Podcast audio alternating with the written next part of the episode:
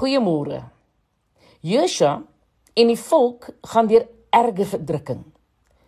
God gee aan hulle die versekering dat waar hulle ook al hul voetsool sal trap, gee hy aan hulle. Soos hy met Moses was, sal hy ook met hulle wees. Hy sal hulle nooit begewe of verlaat nie. Hoor net hoeveel keer sê God vir hulle om nie te vrees nie, maar sterk en volmoed te wees. Vers 5 sê ek sal met jou wees. Ek sal jou nie begewe en jou nie verlaat nie. Vers 6 sê hy wees sterk en volmoed. Vers 7 wees net baie sterk en volmoed. Vers 9 wees sterk en volmoed. Wees nie bevrees of verskrik nie want die Here jou God is met jou oral waar jy heen gaan. Dis asof hy hierdie boodskap in hulle koppe wou inprent. Jy sien God kon hier vir Josua baie dinge geleer het oor leierskap byvoorbeeld, maar maar hy herinner hulle om die gees van vrees te oorwin en om nie bang te wees nie, maar om sterk en vol moed te wees. Jy sien God het geweet dat moed hulle oorwinning sou gee. Die sleutel tot jou oorwinning is jou moedige belydenis dat jy kan doen wat God sê jy kan doen. Jy kan oorwin. En daar is vier redes waarom God wil hê jy moedig en vry van vrees moet leef. Die eerste een is ter wille van ander. Ter wille van jou familie, jou kinders, jou vriende, jou kollegas, jou gemeente, jou lewensmaat, jou volgelinge. Hulle wat opkyk na jou. Jy het 'n verantwoordelikheid om hulle saam met jou die beloofde land in te neem.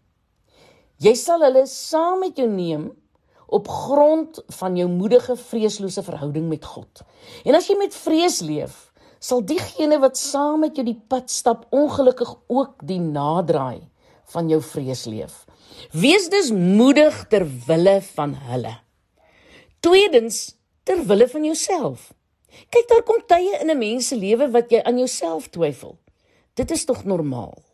Jy moet egter in hierdie tye jouself herinner aan God se droom vir jou lewe en dat hy vir jou 'n lewe van oorvloed en oorwinning begeer. Hy het die goeie werk in jou begin en hy sal dit volëindig. Jy moet net doen wat jy kan doen en God sal die res doen. Jy besluit of jy oorwin of oorwin sal word. In die derde plek ter wille van die Here. Wees volmoed want die Here jou God is met jou. Onthou sy naam is op die spel, nie net jou naam nie. Dawid het Goliat verslaan en God se naam is daardeur vereer. In die vierde plek moet jy dit doen ter wille van jou vyande. Daar was 'n stadium wat Dawid 'n vyand gehad het wat hom gevloek en met klippe gegooi het.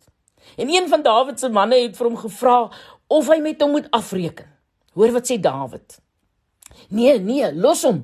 Dalk sien die Here dit en besluit om my te seën. Die Here berei die tafel voor jou aangesig teenoor jou teenstanders. Wees dus sterk en volmoed in die aangesig van jou vyande. Jong, onthou altyd, jy kan nooit verloor tensy jy nie opgee nie. En daarom moet ons moed aan die dag lê en geloof aan die dag lê. En onthou, hoop is altyd die bloudruk van geloof En hoop beteken nie dat alles sal uitwerk soos wat dit moet uitwerk nie. Dit beteken dat daar iets goeds uit die situasie sal voortkom. So jy moet dus moedig lewe ter wille van ander, ter wille van jouself, ter wille van die Here, ter wille van jou vyande.